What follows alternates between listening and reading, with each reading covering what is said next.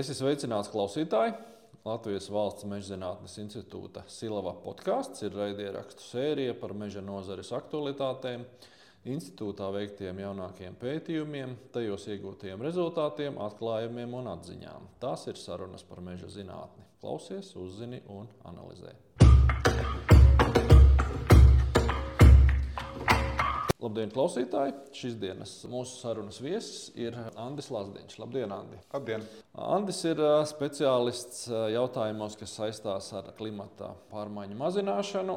Viņš ir arī viens no Latvijas speciālistiem, kas koordinē siltumnīca efekta gāze inventarizācijas ziņojumu sagatavošanu. Tāpēc šīs dienas tēma lielākoties būs saistīta ar klimata pārmaiņu politikas mērķiem, kādi mums šobrīd ir uzlikti ne tikai meža nozarei, bet arī citās jomās, un par to, ko mēs varam darīt un ko mēs nevaram darīt, lai šīs eh, klimata pārmaiņas mazinātu. Andi, ir radies iespējas, ka meži tiek uztverti kā tāds glābējrīņķis, kas varētu daudz ko saglabāt šajā klimata pārmaiņu mazināšanas procesā. Kāds ir tavs skatījums šobrīd uz šo? Noteikti tāds viedoklis parādījās, un viņš arī diezgan bieži tiek pausts, ka mežam un zemes izmantošanas sektoram būtu jāglābj ne tikai lauksaimniecība, bet arī transports, enerģētika un citi sektori. Varbūt arī mežu kādam vajadzētu glābt, un mēs vairāk skatāmies tieši uz šo meža glābšanas jautājumu, jo šajā pavasarī, maijā tika aktualizētas saistības, kas noteikts uh, Latvijas un citu Eiropas valstu zemes sektoriem mežsaimniecībai 2030. gadā. Nu, tas skats uz dzīvi ne tikai mums, bet arī citām Eiropas valstīm, mēģinot vienlaicīgi saglabāt meža saimniecību un vienlaicīgi arī izpildīt klimata mērķus, izskatās diezgan pesimistisks. Tad jautājums, uz ko jāatbild, vai izdevīgāk maksāt, vai izdevīgāk kaut ko darīt meža saimniecībā. Noteikti, mūsu redzējums attiecībā uz šo jautājumu ir tāds, ka ir iespējas kaut ko darīt, ir risinājumi meža saimniecībā un ir pēc iespējas ātrāk ar viņiem jārīkojas. Tad mēs varēsim palīdzēt gan tam lauksaimniecības sektoram, gan arī citiem sektoriem izpildīt viņu saistības.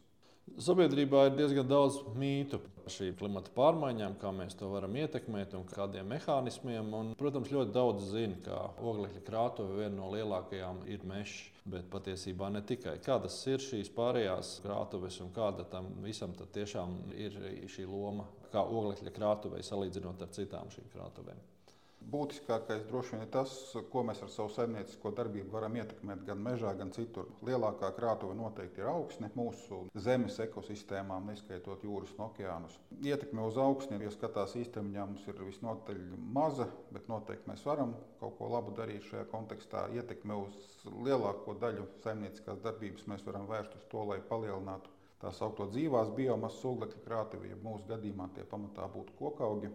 Un ne tikai kokauga, bet jo lielāks pieaugums mums ir kokos, koku biomasā, jo vairāk mēs saražojam arī koksnes produktus. Attiecīgi mums ir lielāks oglekļa uzkrājums arī šajā krātuvītē, ir, kas ir laikam Latvijā šobrīd viena no nedaudzajām, kura turpina pieaugt. Jo lielāks pieaugums, jo lielāka nedzīvās koksnes oglekļa krātuve. Mums no ekosistēma pakalpojuma mēs vairāk esam pieraduši skatīties uz kritālām, uz nedzīvo, uz atmirušo koksni, bet patiesībā tās kritālas, nu, ja salīdzinām ar kopējo nedzīvās koksnes daudzumu mežā, ir varbūt 10%, varbūt mazāk. Lielāko daļu tomēr veido tas, kas mums paliek pāri no meža izstrādes. Tas ir pazemes biomasas un meža izstrādes atliekas. Un arī šī krātuve palielināsies, ja mēs dabūsim lielāku pieaugumu. No nu, attiecībā uz pārējām krātuvēm, kas ir lauksaimniecības zemēs, mēs teorētiski varam kaut ko ietekmēt noteikti lauksaimniecībā, ja mēs ar tām zināšanām, kas mums ir pieejamas, audzējam augus un veidojam augu maiņas, kurās ir vairāk auga ar lielāku biomasu, ar dziļāku sakņu sistēmu, daudzgadīgi augi. Bet šī ietekme notiek lēnāk un viņa ir stipri mazāka skaitliski nekā tas, ko mēs varam izdarīt mežā. Šī nozare, zemes izmantošanas sektors un tajā skaitā arī meža saimniecība ir ar protams, ļoti lielu ietekmi uz šo kopējo oglekļa bilanci. Tajā skaitā arī mežs, protams, cilvēks viņu nepārtraukti ietekmē gan ar to, kā viņš viņu atjauno, kā koksnī kādā brīdī tiek iegūta tautsēmniecībai, cik lielos apjomos. Kāda šobrīd ir šī bilance mežā, kā mēs izskatāmies, kāda ir tā dinamika attīstība? Nu, ja mēs vērtējam mežu kā oglekļa krātuvi. Šobrīd meža zemēs turpinās gan krājas pieaugums, un, attiecīgi, ja mums pieaug krājums, palielinās arī visas pārējās oglekļa krātuvītes. Gan nedzīvās koksnes paliek vairāk, gan koksnes produktu paliek vairāk, gan visticamāk arī augsnes oglekļa uzkrājums palielinās. Bet tas palielināšanās temps paliek ar vien lēnāks. Tas arī loģiski sasniedzot kaut kādu vidējo vai kaut kādu vecumu posmu. Mēs gan, gan cilvēkiem tas augšanas potenciāls vismaz vienā virzienā samazinās, gan arī mežam. Līdz ar to neizbēgami nonāksim pie tās situācijas, nu, mēs arī viņai strauji pietuvojamies, kad uh, mežs pārstāja piesaistīt un iestājās līdzsvaru stāvoklis starp to, kas emitējās no meža un to, kas mežā piesaistās. Nu, tad mēs nonākam pie tā jautājuma, kas arī šobrīd ir aktualizējies sabiedrībā par mūsu mežiem. Protams, sabiedrība ir savs viedoklis, kā viņus apsaimniekot. Praktiski gandrīz katram cilvēkam tāds ir. Un tā nepieciešamība sabalansēt, protams, šos dažādos pakalpojumus, ko sniedz mežs, ir, ir acīm redzama. Un, un jautājums par šiem vecajiem mežiem, kuriem mums Latvijā ir diezgan daudz, vai arī vecajām mežaudzēm, tā mēs varētu teikt. Tu jau minēji, ka ir, ir šis stāvoklis, kad šis mežs sasniedz tādu brīdi, kad viņš vairs īsti nepiesaista. Varbūt tu vari ieskicēt meža attīstību, sākot ar meža atjaunošanu vai meža audzes novākšanu. Kādi ir šie posmi un kurā brīdī ir intensīvākās šīs piesaistes un kurā brīdī viņas apstājās? Dažādām koku sugām tas noteikti atšķirsies. Ir sākot no tādām sugām kā baltalks, apsekurētas aprites periods dzimšanas līdz mūža galam ir stipri īss un priedē, kurai viņš varētu būt pat desmit reizes garāks nekā šiem divām sugām. Bet kopumā tas izskatās tā saimnieciskajos mežos, tā kā mēs viņus nozāģējam. Turpina palielināties oglekļa uzkrājums augsnē, tāpēc, ka mums ir ļoti daudz nedzīvās koksnes tajā mežā, un tā nedzīvā koksne transformējas par augsnes oglekli. Tad kaut kādā brīdī mums um, šī dinamika mainās, un uh, no augsnes ogleklis sāk izdalīties, un it kā šie divi procesi nenotiek paralēli sākumā. Mums, tā kā mēs intuitīvi domājam, ka mums augsnes ogleklis iet gaisā, tad viņš patiesībā tur uzkrājās. Pārējās krātuvītēs, tad, kad vairāk vai mazāk kad koku vainagi sakļaujās, tie nu būtu 20 līdz 40 gadi, tad sākas šis piesaistes maksimums. Un tieši tajā pašā laikā, kad krājas pieauguma maksimums, tad arī ogleklis piesaistās visvairāk. Tad, kad mums uh, atmirums un um, pieaugums nonāk līdzsvarā, tad arī faktiski mums tā audzīte paliek vai nu emisiju neitrāla, vai, ja tā ir kūdras augsne, vienalga vai tā ir meliorēta vai ar dabiski mitru kūdras augstu viņi pārvēršas par emisiju avotu. Un te nu ir atšķirības starp tiem mežiem. Ja mēs tajā brīdī, kad viņi ir nu, nonākuši šajā līdzsvaru stāvoklī, atjaunojam šo platību, tad mēs varam atkal padzīt uz priekšu, atkal palielināt oglekļa uzkrājumu. Un, piemēram, tajās pašās kūdras augsnēs, tad mēs varam panākt, ka viņas ir nevis emitētājs, kā mums atkal intuitīvi liekas, bet gan piesaistītājs savā mūža gaitā, neatkarīgi no tā, vai tur ir meliorācijas sistēma vai viņas nav. Šeit, protams, ir vietā piebilde, lai klausītāji saprastu, kādi ir mūsu meži. Mums ir jāsaprot, ka vismaz puse no mūsu mežiem šobrīd, kas mums ir veidojušies dabiski apmežojoties. Lauksaimniecības zemē mums šobrīd ir mežu divreiz vairāk nekā tas bija pagājušā gadsimta 30. gados. Un, protams, lielāko daļu no viņiem sastāda šie lapu koki ar salīdzinoši īso dzīves ciklu. Un, un tas, ko Andris minēja par šīm apšu un baltaukšņa audzēm, ir jāsaprot, ka šie koki. Ja cilvēks viņus nenocēr, tad viņi tāpat tās sadalās. Un, un tas ogleklis, kas ir bijis uzkrāts šajās mežaudzēs, viņš aiziet atmosfērā. Tu pieminējies, iesāki runu par šīm organiskajām augsnēm. Un, un es saprotu, ka Latvija ir diezgan unikāla situācija salīdzinot ar pārējām Eiropas valstīm. Mums ir ļoti daudz šo organisko augšņu, un mums ir arī liela atbildība, kā mēs viņus apsaimniekojam šajā klimata pārmaiņu mazināšanas kontekstā. Jā, tā droši vien ir mūsu lielākā problēma. Ja mēs skatāmies uz klimatu tādos skaitliskās mērvienībās, ja mēs saliekam Latvijas kūdras un kūdrēnās augsnes, tas ir tādas, kur kūdras slāņa biezums nu, ir vismaz 20 cm, tad um, tās emisijas, kas no viņām veidojās kopā no aramzemēm, zālājiem, meža zemēm, ir uh, vismaz tikpat lielas, kā rada mūsu enerģētikas sektors. Un, attiecīgi, var novērtēt, cik tā problēma liela. Meža zemēs mums šo emisiju daļu nokompensē tas, ka mums ir koku pieaugums, tas, ka mums ir nobirs, kas ir kopumā krietni lielāks oglekļa daudzums nekā to, ko mēs nu, ierasti esam pieraduši redzēt, kā koksni. Nobirs ir vairāk, bet lauksaimniecības zemēs šīs emisijas netiek kompensētas. No to augu atliek nav tik daudz, lai viņas varētu nokompensēt. Tāpēc tur ir vislielākās emisijas šobrīd no augsnes Latvijā. Un uh, vienīgais risinājums, kas nāk prātā, tas ir kaut kā tikt vaļā no šīm organiskajām augstnēm lauksaimniecības zemēs. Nu, tīri intuitīvi mēs padomājot, kas mums visapkārt atrodas, vienīgais reālais risinājums ir šo platību transformēšana par mežu tādā vai citādā veidā. Runājot par šiem ambicioziem Eiropas klimata politikas mērķiem, kur ir noteikti šie termiņi klimata neutralitātes sasniegšanai, kur ar politiķu balsojumiem tiek bīdīti ar vien tuvāk un tuvāk. Kāds ir tavs redzējums šobrīd, kā speciālistam? Cik šie mērķi ir reāli un vai mēs viņus varam sasniegt? Te jānodala droši vien Eiropas mērķis un tas, ko mēs Latvijā varam izdarīt. Jo diez vai mēs ar saviem 3 miljoniem hektāru mežu varam kaut ko būtiski ietekmēt Eiropas vai pasaules kontekstā, bet Latvijā mēs noteikti varam sasniegt klimata neutralitātes mērķi. Noteikti varam arī vismaz teorētiski uz to nopelnīt, palīdzot citām valstīm nonākt pie šī klimata neutralitātes mērķa, bet ir diezgan radikāli jāmaina tas, kādā veidā mēs raugāmies un rīkojamies klimata pārmaiņu mazināšanas pasākumu īstenošanā, pārējot no tādām formālām papīra un papētīšanas lietām pie reāliem darbiem un reālām investīcijām, un jo ātrāk, jo labāk. Kas ir tas degošākais, kas mums šobrīd būtu ļoti strauji jāuzsāk, ja mēs tiešām esam nosprauduši sev šos klimata neutralitātes mērķus, ar ko būtu jāsāk un ko nevajadzētu nokavēt? Mums ir um, divi atskaites etapi, atskaites punkti. Viens ir 30. Um, gads, pagaidām diezgan miglā tīts 35. gads, un pēc tam ir 50. gads.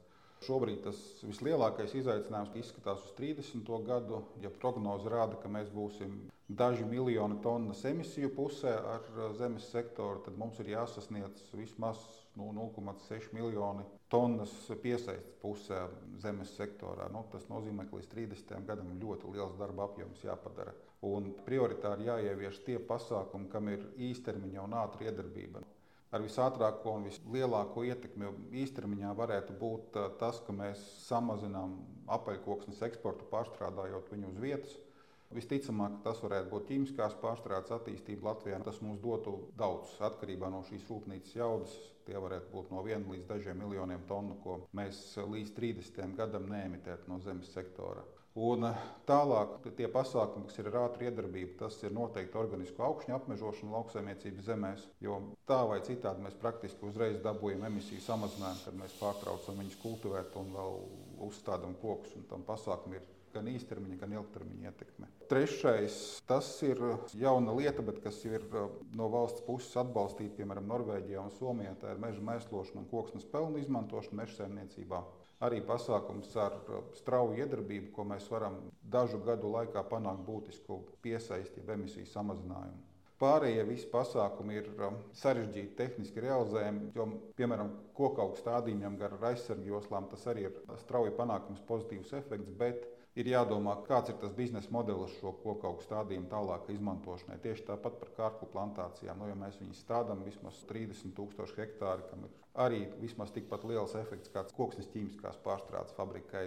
Bet uh, ir jādomā, kur mēs liksim to koksni. Ja mums nav mūsu politikas plānos doma palielināt koksnes izmantošanu enerģētikā, tad ir sarežģīti veidot šādu biznesa modeli, kurš pamatojas uz kurināmās koksnes ražošanu. Tu minēji konkrētas lietas, un tas 30. gads patiesībā jau ir tepat mums pie sliekšņa. Un, pieņemsim, runājot par šo organisko augšņu apmežošanu. Vai šobrīd ir kaut kādas programmas? kur tas tiek atbalstīts? Apmežošana kā tāda tiek atbalstīta, bet nu, tas apjoms, skaitliskā izteiksme atkal var būt par jauno lauka attīstības plānu. Es nemācīšu pateikt, bet no iepriekšējā sanāca tā, ka 5% viņa finansējumu nodrošināja 75% no emisiju samazinājuma. Nu, tie 5% ir tas, kas aizgāja uz meža saimniecību ja mēs varētu šo finansējumu nākošajā etapā ieraudzīt mazliet savādāk, jau stipri savādāk, un lielāka daļa šo līdzekļu aiziet uz patiešām pasākumiem, kas nodrošina emisiju samazinājumu, tad mēs varētu nonākt pie tā pozitīvā rezultāta, bet šobrīd, protams, nav. Nu, ja mēs, piemēram, salīdzinātu divas šīs zemes izmantošanas veidus, šie antropogēnie zālāji uz organiskajām augsnēm, kas šobrīd tiek uh, uzturēti, vai šo augšņu apmežošanu, vai tu vari kaut kādos skaitļos pastāstīt, kāda ir viena vai otra šī saimnieciskās darbības veida, tā varētu nosaukt ietekmi uz šo oglekļa bilanci. Ja notiktu brīnums, un mēs nākošajā pavasarī apstādītu visas organiskās augsnes visus 160 tūkstošus hektārus ar kokiem, tad salīdzinot ar zālāju apsaimniekošanu, tad mēs gadā samazinātu emisijas par 4 līdz 5 miljoniem tonu. Tas ir tieši tikpat daudz, cik mūsu enerģētikas sektors rada, un divreiz vairāk nekā lauksaimniecības sektors šobrīd rada. Ir dažādi mīti, kā jau mēs sākotnēji minējām, par to, kāda ir tāda vai savādāka saimniecisko pasākumu ietekme uz šo oglekļa bilanci. Viena no tādām tēmām, vai varētu to nosaukt par karsto kartupeli, par ko daudz tiek runāts, un gan labā, gan sliktā nozīmē ir meliorācija. Eiropā to uztver pilnīgi savādāk nekā mūsu apstākļos. Es saprotu, ka Latvijā šai izpratnē ir daudz vēl darāms, lai viņu pasniegtu tā, kā tas patiesībā notiek. Un tajā skaitā arī Silavā ir pētījumi pētījumu par šo jomu. Vai tu vari pastāstīt par meliorācijas ietekmi uz oglekļa bilanci? Mēs esam vērtējuši pārsvarā meža zemes, bet nedaudz arī esam skatījušies, kas notiek meliorētās, nemeliorētās, jeb pārmitrinātās ganībās, jeb zālājos. Tad attiecībā uz meža zemēm galvenā atziņa ir tāda, ka nav būtiskas atšķirības vai attiecībā uz augsnes emisijām, vai mums šī platība ir vai nav meliorēta. Ja tā ir organiska augsne, viņa tāpat rada emisijas. Plus, ja tā augsne nav meliorēta, un tur aug virsū belnauksnis, apse vai bērs, tad viņš arī papildus vēl rada metāna emisijas, kas kā pa skursteņiem iet ārā pa koku stumbriem. Nu, pašlaik inventarizācijā šī emisiju daļa netiek uzskaitīta, bet mums ir jāapzinās, ka viņi dabā pastāv un kādreiz mums ar viņu būs jārēķinās. Uz kujkokiem tādas emisijas nav no koku stumbriem. Lauksaimniecības zemēs pētījumi ir stipri mazāk, bet tas sākotnējais rezultāts rāda, ka, ja mēs vienkārši aiztaisām grāvi, ciet paceļam gruntsūdens līmeni platībām, emisijas aiziet kosmosā nākošajos divos, trīs gados pēc šīs pārmitrināšanas, kad mēs sagaidām, ka tur būs ļoti labi un tur sāks kūdra veidoties un vēl kaut kas. Skaidrojums tam ir pavisam vienkāršs. Mums gruntsūdens līmenis nav statisks. Aiztaisot ciet grāvi, viņš pavasarī paceļās. Mums ir tā pļava necaurbraucamā tehnika. Mēs vairs nevaram uzbraukt saimnieciski, mēs viņu izmantot vairs nevaram īsti, kā vidējā situācija varētu būt. Bet uh, vasarā saulīte panāk, izdara savu, un um, ūdens iztvaiko, gruntsvudens līmenis nokrītās, un tā pļava emitē tieši tikpat daudz, cik uh, blakus esošā vai kaut kur citur esošā nosusinātā pļava. Un tad mēs dabūjam divus emisiju pīķus pavasarī, tad, kad augsne ir silta, bet ūdens vēl ir daudz. Mēs dabūjam metāna un dislāpekļa oksīda emisijas lielā daudzumā, un tā, kad mums vasarā saulīte ūdeni iztvaicē, tad mēs dabūjam CO2 emisijas no tās pašas platības. Tā kā varētu būt kā viens no risinājumiem kaut kāds regulētās meliorācijas sistēmas, lai pavasarī mēs to ūdeni vadītu projām, vasarā turētu ciet. Bet nu, pagaidām arī tie pētījumi dati ir pārāk maz, lai mēs varētu viņu rekomendēt kā tādu klimata pārmaiņu mazināšanas pasākumu. Tīpaši ņemot vērā, ka viņš ir diezgan sarežģīti tehniski realizējams. Es domāju, ka to vajadzētu vēlreiz uzsvērt, lai klausītājiem ir izpratne, ka siltumnīcas efekta gāzes nav tikai CO2, ir arī šis metāns minētais un, un slāpekļa dioksīds, jā, kurām ir vēl būtiskāka sliktā ietekme uz šīm pārmaiņām nekā CO2. Jā, nu, metānam mums piedāvā vēl papildus saistības citās politikās, kuras pamatā ietekmē lauksaimniecisko darbību. Tāpēc, jo mazāk metāna, jo labāk. Tā viņa sliktā ietekme ir 28 reizes lielāka nekā CO2 ietekme, ja mēs rēķinām tā simts gadu periodā. Un dislāpekļa oksīdam, jeb smieklu gāzei, ir arī pozitīva ietekme. Iespējams, viņš ir lielākā koncentrācijā kaut kur pieejams, bet tajā mazajā koncentrācijā, kāda viņa mums ir atmosfērā, tad viņas sliktā ietekme simts gadu laikā ir 265 reizes lielāka nekā CO2. Protams, ja mēs ejam uz to, ko izmanto dzēsēšanas sistēmās, tām gāzēm tur ir desmitos un simtos tūkstoši šīs ietekmes sliktums, bet nu, mums pamatā par trīs gāzēm ir runa - CO2, metāns un dislāpekļa oksīds. Nu, tad varbūt runājot par praktiskiem mežsaimnieciskiem darbiem, kas notiek katru gadu mežā, tajā skaitā meža atjaunošana, augstnes gatavošana. Kāda ir ietekme, piemēram, meža augstnes gatavošanai?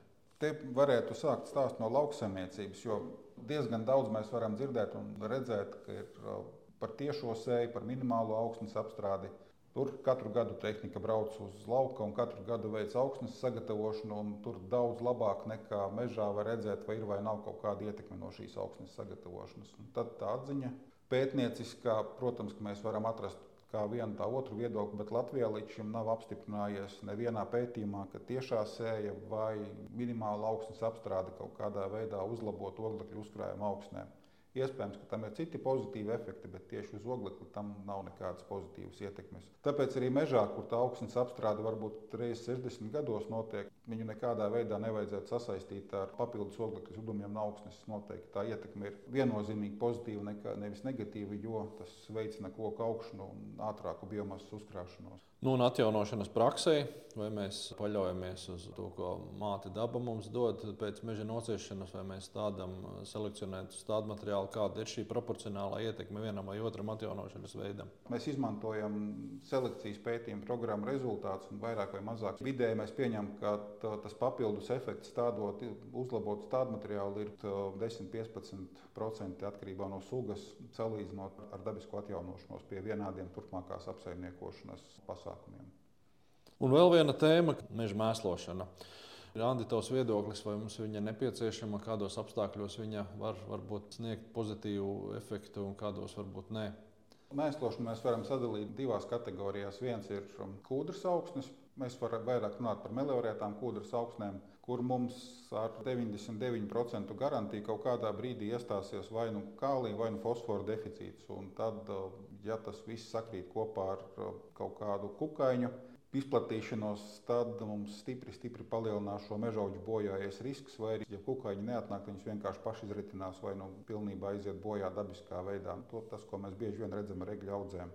Tāpēc šādās kūdras platībās droši un noteikti ir jāber koksnes pelni, lai mēs nosektu šo kāliju un fosforu deficītu, kas varbūt jaunaudzēs neizpaužās, jo nu, barības vielu patēriņš ir stipri mazāks, bet pieaugušās audzēs ar garantiju viņš izpaudīsies agri vai vēlu.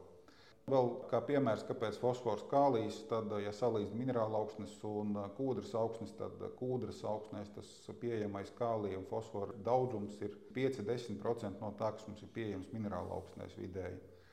Līdz ar to tur tas risks ir milzīgs. Piemēram, ja mums paceļās gruntsūdens līmenis, tad, kad koki veģetē un patērē un aug, viņiem vairs nav pieejamas barības vielas no dziļākajiem augsnes slāņiem, nu, tad viņi vienkārši vai nu mirst nost, vai nu apstājās augšanā. Katrā ziņā Tas ir ļoti vajadzīgs pasākums meža saimniecībā šobrīd.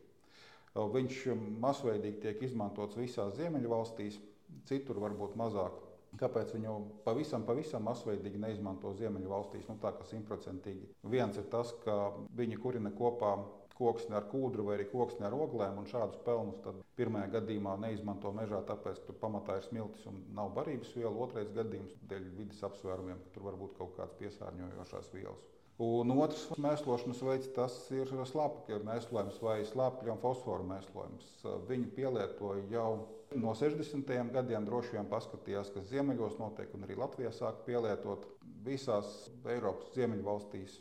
Tas mēslojuma pielietošanas dinamika ir tāda, ka iestājas ekonomiskā krīze, tad viņš krīt lejā, tad, kad ir kaut kāds uzlabojums, tad ceļās augšā. Norvēģijā tajā brīdī, kad sāka maksāt par meža mēslošanu, tad tās mēslotās platības ja nemaldos, palielinājās 10 vai pēc tam 20 reizes salīdzinot ar iepriekšējiem gadiem. Un Latvijā tās būtu primāri skūjkoku, lapkoku audzes, sausieņu mežos ar minerālu augsnēm, ar um, otrās, trešās bonitātes meža audzēm. Tur mēs varam ienest šo mēslojumu gan pirms atjaunošanas cirtes, ja primārais ir ekonomiskais mērķis, gan pēc katras kopšanas cirtes, ja mēs apzināmies to, ka daļa no tā potenciāla ekonomiskā iegūma aizies kritālās dabiskā atmiruma rezultātā tas papildus iegūms no mēslošanas no abos gadījumos būs 10-15 kubikmetri pēc katras mēslojuma iestrādes reizes papildus pieaugums.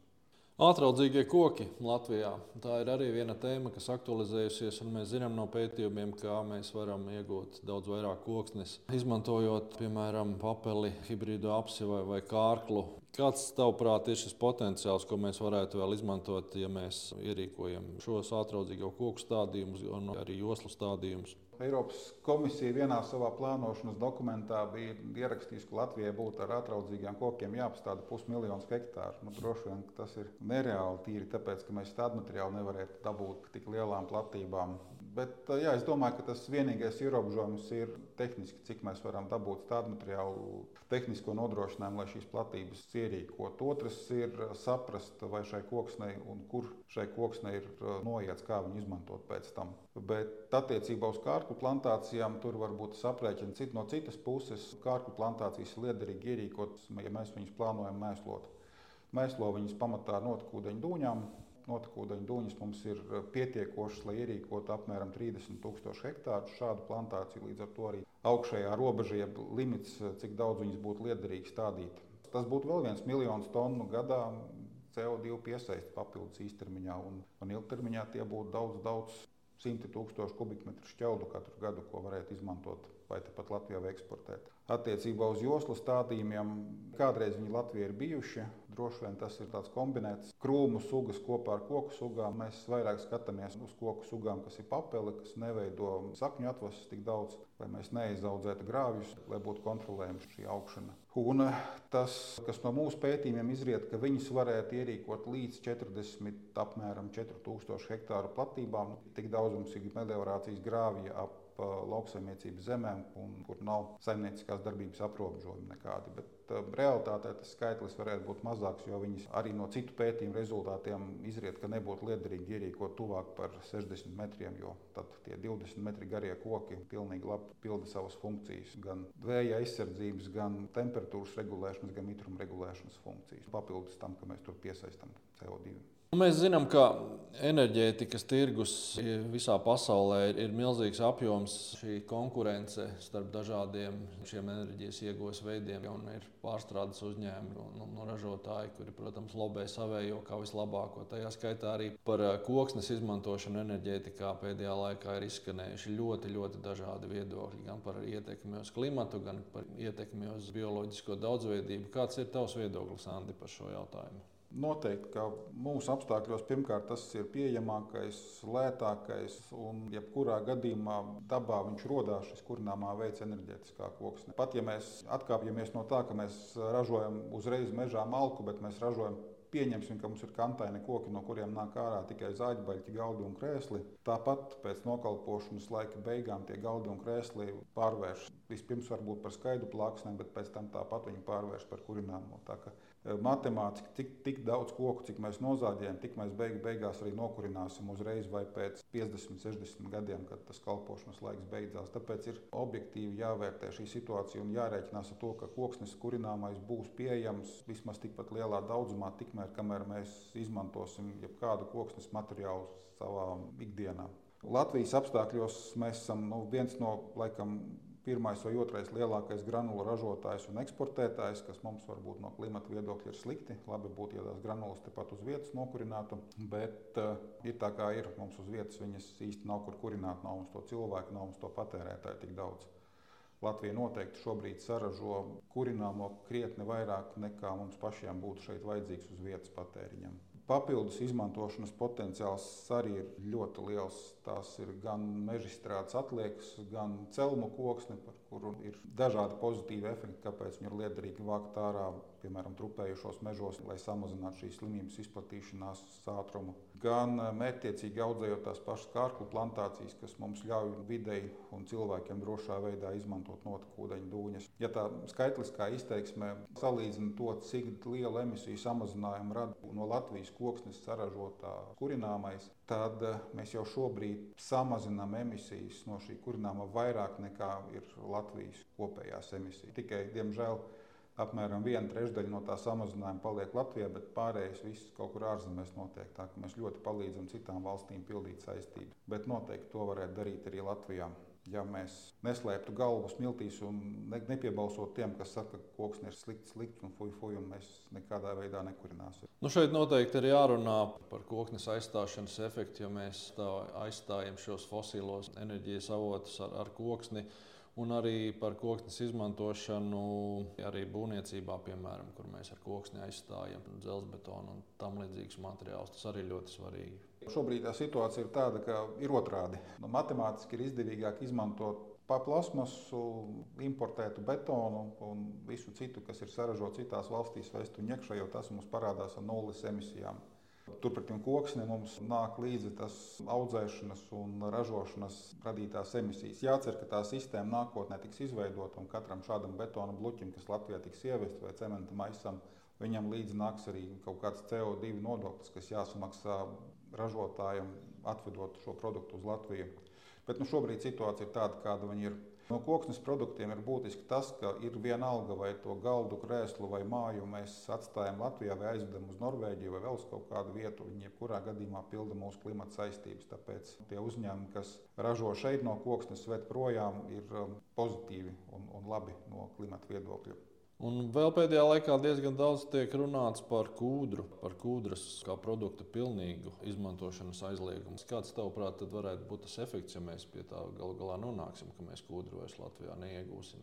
Te ir varbūt no pieprasījuma puses jāskatās. Mēs varam pieņemt tādu teorētisku situāciju, ka mēs vairs neiegūstam kūdru. Kas tad notiek? Nu, piemēram, kokaudzētavās, ko viņi izmanto kūdras vietā kā substrātu. Literatūrā mēs varam atrast ka tās varētu būt kokos palmu kaut kādas šķiedras. Mēs varam atrast arī literatūrā koksnes šķiedras, bet pamatā šiem produktiem ir stipri sliktākas īpašības nekā kūdrai. Līdz ar to visticamāk, ka to mūsu nesaražoto kūdru saražos kāds cits. Ja, ja pirms diviem gadiem es teiktu, ka tā kūdra nāk no Krievijas vai Baltkrievijas, šobrīd varbūt viņi arī nāktu no Krievijas un Baltkrievijas. Tikai droši vien viņai būtu kaut kāda cita šiltīte, kaut kāds nu, tieši tāpat kā gāzei un, un degvielai. Pašlaik mēs kā, kā neizmantojam patiešo no Krievijas pirkto naftu un gāzi, bet nu, realitāte ir tāda, kāda viņa ir. Tāpēc tas, ka mēs viņu pārtraucam ražot Latvijā, nenozīmē, ka mēs kaut kādā veidā palīdzētu klimatam pasaulē, to kūdru raktu citur, nevis Latvijā. Tieši tāpat viņu izmantot, tikai mums būtu pazaudēti līdzekļi, iznīcināt tautsēmniecības nozare un bezdarbnieki lauku reģionos papildus. Un tas pats, manuprāt, arī būtu jāsaprot tiem, kuri domā, ka Latvijā mežus vajadzētu cirst daudz mazāk vai viņus necirst vispār. Jo jāsaprot, ka pieprasījums pēc šī produkta koksnes globāli tāpat viņš būs. Un, ja mēs koksni neaudzēsim pie sevis, protams, ar vidē draudzīgām metodēm un, un, un tām mežsaimnieciskām tradīcijām, kas vienmēr mums ir bijušas, viņi audzēs kaut kur citur. Viņi audzēs citās valstīs, kur tas notiek daudz dabai noplicinošāk nekā tas notiek pie mums. Par ekonomisko pusi varbūt par to pašu enerģētisko koksni. Ja mēs salīdzinām saules paneļus, citus risinājumus, ko mēs pašlaik plaši vismaz sociālajos tīklos reklāmas rādās katrā vai katra otrā ieraksta par saules paneļiem vai par vēl kaut kādām inovācijām. Veidzirnavas varbūt privātpersonām tik ļoti nereklamē, bet nu, tāpat. Tad eh, tas koksnes izmantošana, piemēram, pāriet no vienā pašvaldībā no eh, šobrīd izmantojamiem energoresursiem, vai tā būtu gāze vai vēl kaut kas uz koksni, tas ir par kārtām lētāk nekā iet uz šīm it kā inovatīvajām skaistajām un šajā pie mums tīrajām tehnoloģijām, jo visi ražošana ir kaut kur citur notiek. Tas viens ir ekonomiskais faktors, kas noteikti jāņem vērā. Tie mūsu resursi ir nesalīdzināmi lētāki par jebko, ko mēs varam atvest no citurienes. Otra lieta par šiem pasākumiem - meža apsaimniekošanā, tā pati apmežošanas ietekme. Cik izmaksā viena tonna CO2 apmežojot vai, piemēram, ierīkojot meliorācijas sistēmas mežā tad arī tās izmaksas ir par vienu līdz divām kārtām mazākas nekā tas, ko mēs varam izdarīt vai nu lauksaimniecībā. Nu, varbūt lauksaimniecībā arī tas ir relatīvi netik dārgi, bet enerģētikas vai transporta sektorā. Tas, ko mēs varam izdarīt mežā, nu, ja mēs rēķinām naudas izteiksmē, būtu jādara pirmām kārtām, ja mēs gribam to izdarīt lēti. Mēs zinām, ka šobrīd eh, pastāv arī daudzi meža īpašnieki ar cerībām raugās nākotnē, ka viņi beidzot varēs sākt tirgot no sava meža ne tikai koksni, bet arī tā saucamos oglekļa kredītus. Šī tirzniecības sistēma varbūt eh, vēl nav pilnībā iegājusies, bet eh, kā tu teiktu, meža īpašnieki, viņi kaut kad varēs sagaidīt to brīdi, ka viņi varēs mežu necirst, bet tirgot tās oglekļa kredītus, ko viņi iegūst piesaistot oglekli attiecībā uz meža neciršanu, nu, tas, ko tu pirmie pieminēji, ka tas, ja mēs šeit nenocirtīsim kaut ko, nenozīmē, ka nu, tāpat kā pārtika neražot vienā vietā, nenozīmē to, ka tā pārtika netiks ražot kaut kur citur. Pārtika pamatā visu apēd, nu, labi, kaut ko izmet ārā, bet viņi tomēr, lai apēstu, viņi tiek saražot. Ja mēs ražosim mazāk pārtikas, tas nozīmē, ka nu, kaut kas jādara tiem cilvēkiem, kam nebūs ko ēst. Tieši tāpat ar tiem meža resursiem neciršana noteikti nav tas risinājums, uz ko būtu jāskatās Es nesaprotu, kādā veidā šis pasākums ir ienācis dažu valstu klimata politikās. Nu, tas nav prātam aptverams. Bet um, attiecībā uz to, ko var sagaidīt meža īpašnieki, jā, noteikti visticamāk, nu, ja mēs runājam par um, komerciālajām platformām, tādām kā Vera un Golden Standard, tur nu, visticamāk tikai viens pasākums, tā ir apmežošana minerāla augsnes, jā, uz to viņi var uh, iet 40, uh, 50 gadus, audzēt kokus, un pēc tam, kad līgums ar um, šīm sistēmām beidzās, izmantot šos kokus pēc saviem ieskatiem. Tas nenozīmē, ka to mežaudzi nevarēs nozāģēt pēc tam. Tādus pasākumus kā nezāģēšana, ko arī viņi apmaksā, es negribētu reklamēt, ne arī ieteikt. Nevienam, man liekas, tas ir amorāli kaut ko tādu darīt. Bet um, attiecībā uz Eiropas komisijas kopīgo vienoto viedokli tas vēl ir izstrādes stadijā. Tur ik pa brīdim kaut kas uzplaisnīgi, kaut kas notiek. Nu, droši vien, ka šogad, nākošais gads būs arī tas uh, Eiropas Savienības kopējais rāmis, kādā veidā tad, uh, nu, notiks šeit Eiropas Savienības robežās tirzniecība ar emisiju piesaistes vienībām zemes sektorā. Tā nianse varbūt ir tāda, ka nevarēs pārdot pilnīgi visu pieaugumu, kas mežā izveidojās, bet tikai to pieauguma daļu, jeb to piesaistes daļu, kas nebūtu izveidojusies tādā situācijā, ja tiktu turpināta ikdienišķā saimnieciskā darbība. Līdz ar to, nu, ja mēs veicam jaunauču kopšanu ikdienā, tad visticamāk mēs nevarēsim vairs auditoram iestāstīt, ka mēs šo platību mēs izkopām tikai tāpēc, ka mēs tur esam piesaistīts vienības, no, mēģinājuši notirgot.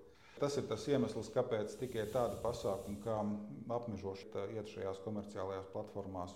Tas nozīmē, ka ir jāveido nacionāla sistēma, prioritizējot tieši mērķu sasniegšanu, nevis nu, kaut kādus citus rādītājus, vai cik lielā mērā viņā varēs iesaistīt komersantus. Tas atkarīgs no tā, kādi būs nosacījumi, uz kādiem šie emisiju radītāji varēs, nu, piemēram, katlu mājas, kas izmanto vēl ar vienu fosilo kurināmo, kādām jābūt tām piesaistes vienībām, kuras viņi var likt vietā savām radītajām emisijām.